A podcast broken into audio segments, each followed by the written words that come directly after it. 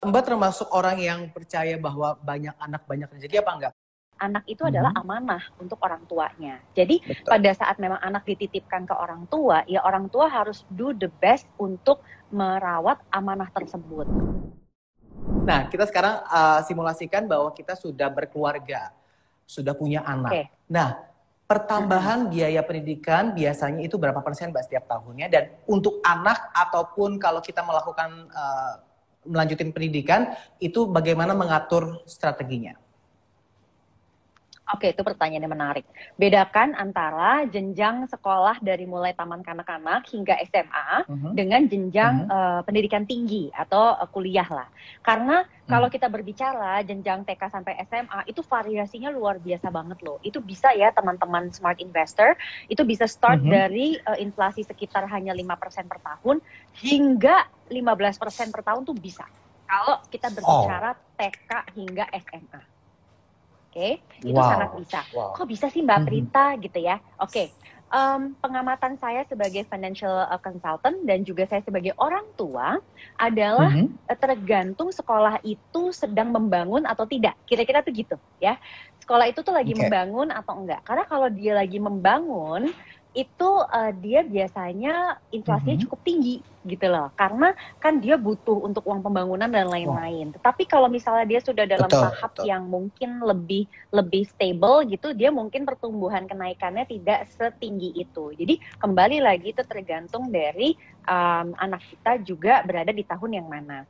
Nah kalau untuk kuliah ini juga menarik karena kalau kita berbicara PTN itu sangat tergantung dari peraturan pemerintah. Ini menarik banget karena kalau kita bicara PTN itu ada satu periode di mana ada uang semester dan ada uang SKS. Lalu ada lagi periode seperti sekarang contohnya dia adalah uang kuliah tunggal. Jadi uh, hanya bayarnya per semester. Itu pun juga ada program bidik misi ya, Smart Investor. Jadi Hmm, dari hmm, mulai hmm. yang um, apa namanya ya very very affordable gitu terjangkau untuk Mhm. semua hingga yang memang Mhm. kelasnya tuh ya istilahnya orang-orang tuh kelas mandiri atau paralel gitu kan. Iya. Pertanyaannya kan kita nggak tahu anak kita masuk yang mana, bener nggak sih? Iya. Iya benar benar benar benar. Nah, Ya jadi itu, itu agak agak tahu agak ya. tricky juga ya, Mbak ya. Untuk untuk kuliah itu ya. Iya, apalagi Mbak gini, tadi kan eh, Mbak Prita sempat mention bahwa dari TK sampai SMA bahwa eh, faktanya zaman sekarang itu eh, banyak eh, sekolah-sekolah sebelum TK ada toddler, ada preschool itu yang yang banyak anak-anak atau ibu-ibu zaman sekarang itu umur 3 tahun anak udah masukin ke toddler, ke preschool. Nah, Mm. seberapa Hmm. penting Mbak jenjang pendidikan sebelum kelompok bermain? Apakah itu perlu dimasukkan dalam anggaran juga atau bagaimana? Ya, itu pertanyaan yang bagus. Jadi ini kebetulan Mhm. ada beberapa research nih tentang hal tersebut. Mhm. Jadi Oke. kalau dulu itu banyak orang tua berpendapat, udahlah anak Mhm. dari TK sampai SMA sekolahnya apa aja, nanti kuliah baru Hmm. eh, jedor-jedoran lah istilahnya begitu. Tapi Mhm. ternyata research terbaru itu eh, mengungkap bahwa kalau anak memperoleh pendidikan di usia dini, rupanya menciptakan Hmm. generasi yang lebih unggul. Sehingga anak Oh, ini ternyata berpeluang mendapatkan scholarship, kemudian diundang masuk sekolah yang bagus. Nah, sehingga artinya Mhm. di sini kan ada ada apa dua opsi ya enggak sih? Apakah kita mau prepare di awal harapannya memang anaknya perkembangannya sesuai atau ya udah kita memang siapkannya di akhir. Jadi kalau menurut Mhm. saya sebagai orang tua, kita tidak perlu terlalu Mhm. membawa diri kita menjadi terlalu ketakutan, tetapi kita siapkan. Oke. Artinya, Oke. kalau memang kemampuan finansial kita mumpuni untuk bisa menyediakan eh, jenjang yang preschool, why not? Gitu loh. Yes. Jadi kan Iya, pertanyaannya preschool atau beli sepeda, misalnya gitu. Preschool atau beli sepeda? Ya preschool gitu. iya iya ya. iya. iya. Preschool atau eh, beli gadget zaman sekarang kan gitu ya anak-anak kecil udah main gadget gitu kan. Jadi mendingan preschool aja ya untuk untuk eh, orang tua orang tua yang mungkin baru punya anak-anak kecil gitu. Ya memang memang kalau Iya untuk kan, pendidikan kan memang nggak ada habisnya dari ya. flash sale tuh. Iya, beli reksadana dan ori. Oke Mbak, tadi kan kita simulasikan anak satu. Kalau misalkan ternyata hmm, orang tuanya produktif nih, punya anak dua, anak tiga, anak empat, mungkin anak anak lima. Zaman Hmm. sekarang mungkin masih ada nggak ya anak anak lima dan lebih? mungkin ada. Nah itu ada ya, ada Mbak ya. Nah itu bagaimana kita mengalokasikan dana dari anak ke satu sampai anak ke tujuh misal? Hmm, oke. Jadi pada saat kita mempersiapkan dana pendidikan untuk anak, itu sebenarnya ada dua Mhm. anggaran di situ. Anggaran yang Yes. pertama adalah anggaran yang masuk ke dalam biaya bulanan. Jadi ini untuk bayar uang sekolah, kemudian uang les dan lain-lain. Berarti itu ngambilnya dari mana? Dari gaji orang tuanya. Nggak ada cerita, itu pasti Mhm. dari gaji orang tuanya. Oleh sebab itu, mau anaknya satu, dua, tiga, empat dan seterusnya harus disesuaikan dengan penghasilan orang tua. Berapa sih Betul. maksimal yang bisa dialokasikan misalnya untuk seluruh anak kita? Sebenarnya hanya sekitar antara 10 sampai 20 persen. Kenapa? Ya bayangin yang lainnya kan juga banyak sekali pengeluaran. Artinya di situ Mhm. orang tua harus menyadari, oke, artinya anak ini sanggup kami sekolahkan di jenis sekolah yang seperti apa? Kira-kira seperti itu ya. Kemudian kalau yang anggaran kedua itu adalah investasinya karena sekarang dia sekolah nih, misalnya dia sekolah SD, kan dia nanti mau masuk SMP, mau masuk SMA, kemudian disiapkan untuk kuliah. Nah, jadi yang porsi kedua ini adalah porsi investasinya, gitu.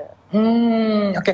Tapi Mbak, eh, Mbak termasuk orang yang percaya bahwa banyak anak banyak rezeki apa enggak? Karena kebanyakan ya, in fact that in in our society eh, bahwa ah yaudah deh, ntar anak juga punya rezekinya sendiri gitu. Mereka bahkan ada maaf misalkan orang tuanya belum mendapat Hmm. pekerjaan yang tetap gitu, tapi dia ternyata udah punya anak tiga. Akhirnya kebanyakan anak yang tidak mendapat pendidikan dengan layak, akhirnya ada yang tidak sekolah atau telat sekolah atau bahkan sampai putus sekolah. Nah, kalau dari Mbak. Prita sendiri ada tips gak untuk orang tua yang masih istilahnya belum ada kepikiran untuk investasi terhadap pendidikan? Mm-mm. Saya sih nggak bisa ubah mindset orang, tetapi kalau Oke. saya boleh eh, kasih pendapat, anak itu Mhm. adalah amanah untuk orang tuanya. Jadi Betul. pada saat memang anak dititipkan ke orang tua, ya orang tua harus do the best untuk em, apa namanya merawat amanah tersebut. Oke, apa sih arti anak punya rezeki masing-masing? Kalau menurut saya itu artinya Mhm. adalah oh anak tuh punya minatnya masing-masing, anak punya bakatnya masing-masing, dia akan punya jalannya masing-masing. Tapi untuk bisa jalan kan dia nggak sendirian jalan, kita harus siapin dong. Maksudnya misalnya kayak mau jalan kaki, sepatunya, kita siapin Betul. mungkin kendaraannya, kita siapin lain-lainnya untuk dia mencapai tujuan. Bahwa masing-masing anak itu punya em, apa kebisaan dan lain-lain itu menurut saya rezekinya di situ gitu loh. Anak-anak itu see. special semuanya. Mereka nggak bisa kita bilang yang pinter cuma yang pinter matematik ya. Yang pinter misalnya em, art art tuh seni rupa gitu Mhm, berarti nggak mhm, pinter. mhm. ya beda itu rezeki anak nanti akan beda-beda makanya profesi Yes. pekerjaan juga akan beda tapi bayangin kalau orang tuanya nggak Mhm. prepare lah terus dia gimana nyarinya gitu loh nanti dia Betul. aku nggak bisa bahasa Inggris kenapa ya soalnya nggak pernah di nggak pernah di apa di lesin atau nggak pernah Belajar. dikasih Belajar. diajarin atau nggak pernah dikasih fasilitasnya gitu loh ya dan menurut aku zaman sekarang fasilitas itu kan luar biasa ya kita bisa belajar dari Mhm. banyak tempat jadi kita bisa sesuaikan dengan kemampuan finansial kita ya kalau memang kita mampunya sekian ya udah fasilitasnya kita sediakan sekian Eh, kita mampunya berapa kita bisa sampai berapa tapi investasi untuk eh, pendidikan anak itu pentingnya luar biasa I see. Nah, ngomong-ngomong soal investasi, kalau menurut Mbak Prita sendiri nih, masuknya Mhm. bagus ke ins- instrumen investasi reksadana apa untuk investasi pendidikan ini? Itu sangat tergantung dari jangka waktunya. Ini yang menarik nih. Kenapa? Karena orang tua itu kan banyak yang nanya nih ke Prita, Mbak, aku tuh invest misalnya satu anak nih ya, langsung untuk TK, SD, SMP, SMA dan seterusnya, atau satu persatu ya? Oke. Maka jawabannya adalah kemampuan finansial kalian gimana? Kalau kemampuan finansial kalian memungkinkan untuk langsung TK, SD, SMP, SMA, berarti jenis reksadananya juga akan beda-beda nih. Karena kan untuk menuju ke TK mungkin cuma dua tahun, menuju ke SD Mhm. berapa tahun, menuju SMP dan SMA berapa tahun. Ambil contoh, Mhm. anaknya umur 2 Mhm. tahun. Oke, Mhm. TK 2 tahun lagi. Oke, berarti bisa taruh di reksadana pasar uang. Oh, SD misalnya berapa tahun lagi? Oke, bisa taruh di ORI misalnya gitu.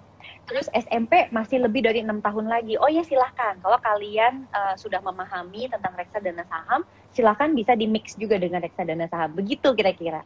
Tapi kalau anaknya Nice. misalnya, kalau anaknya misalnya orang tuanya kemampuan finansialnya juga ya agak sulit, ya berarti kan dia pasti pelan-pelan ya enggak. Tiap jenjang dia mulai baru. Ya. Ya kalau sisa waktu Betul. investasinya cuman misalnya maaf nih dua tahun, ya you only Oke. have choices like reksadana pasar uang gitu.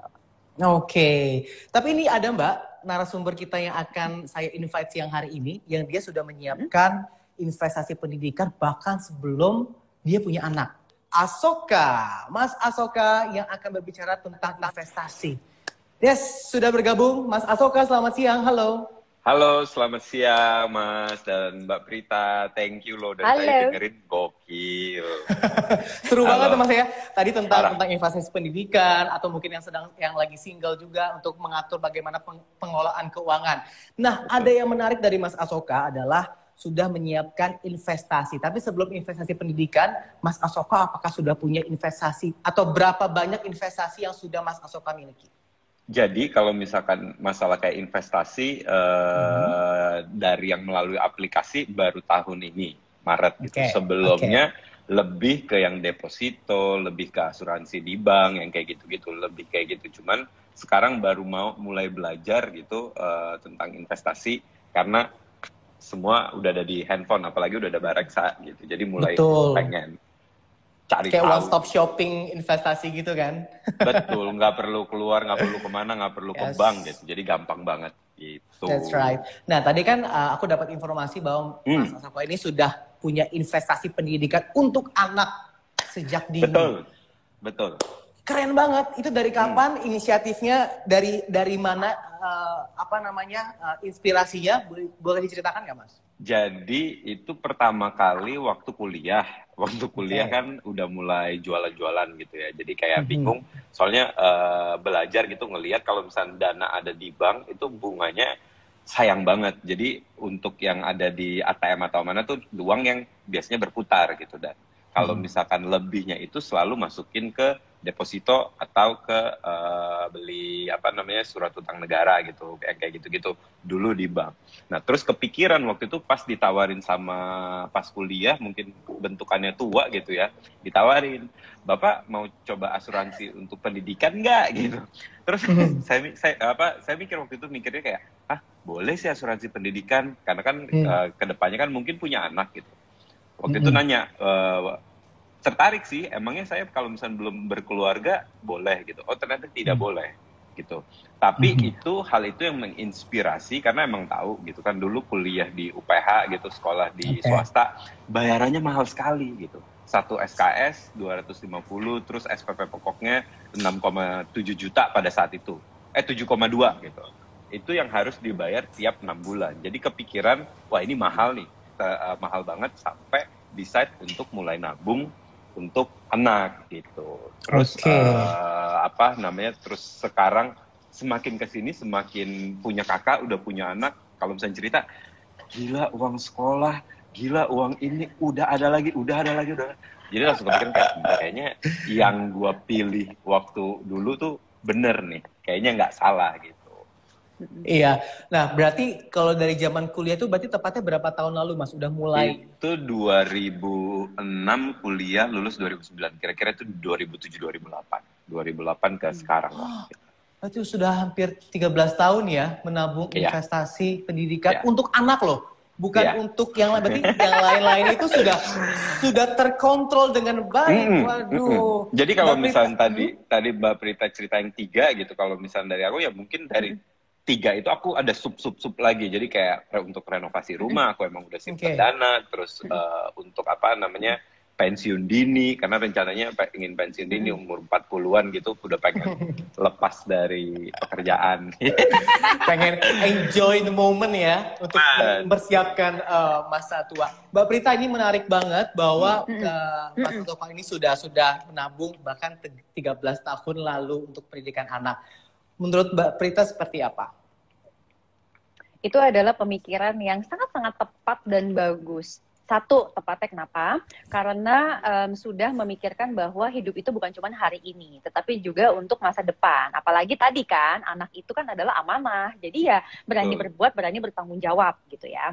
Terus yang kedua, bagusnya lagi itu adalah terarah. Orang kalau punya financial planning, jadi orang kalau punya rencana keuangan, dia tuh nggak kaget gitu loh. Kalau misalnya let's say dapat uang, atau misalnya tiba-tiba dapat rezeki, itu kayak nggak bingung. Aduh, diapain ini duitnya? Diapain ini duitnya? Beli mobil kali ya? Apa bagaimana ya? Langsung panik gitu kan dia. Tetapi udah tahu gitu loh. Apa sih yang memang langkah-langkah yang harus dikerjakan? Dan yang ketiga, yang juga eh, apa namanya sangat menginspirasi itu adalah kalau kita sudah sejak dini nih melakukan investasi, itu proses pengalaman belajarnya itu banyak. nanti pasti dari kayak misalnya Mas Asoka juga tahu ya, udah 10 tahun lebih berinvestasi, itu tidak bisa bilang cuan profit semata gitu tuh nggak bisa. Karena pasti ng ngalamin tuh. Pernah yang namanya ada turun ada naik apa segala tapi dalam jangka panjang dia naik. Jadi kita tuh juga mempersiapkan diri kita selagi dari muda nih jantungnya tuh udah sehat gitu ya. Jadi kalau ngelihat apa sih namanya IHSG itu ya santai aja gitu.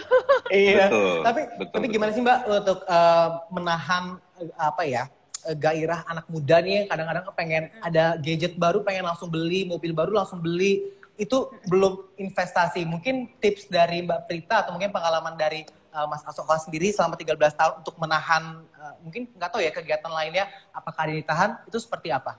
Mungkin Mbak Prita dulu silakan.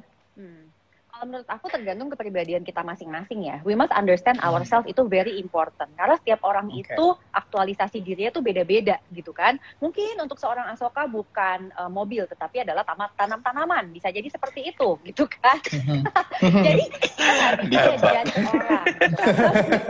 kepribadian orang tuh beda-beda. Nah sekarang kepribadian orang itu kan yang menjadikan dia manusia, yang menjadikan dia itu senang bekerja mencari uang. Maka jalan keluarnya cuma hmm. tinggal yang tadi, living, saving, playing. Pada saat kita nih udah e, menyisihkan untuk saving, isinya ada dana darurat, di situ isinya juga ada investasi dana pendidikan anak, dana pensiun dan lain-lain.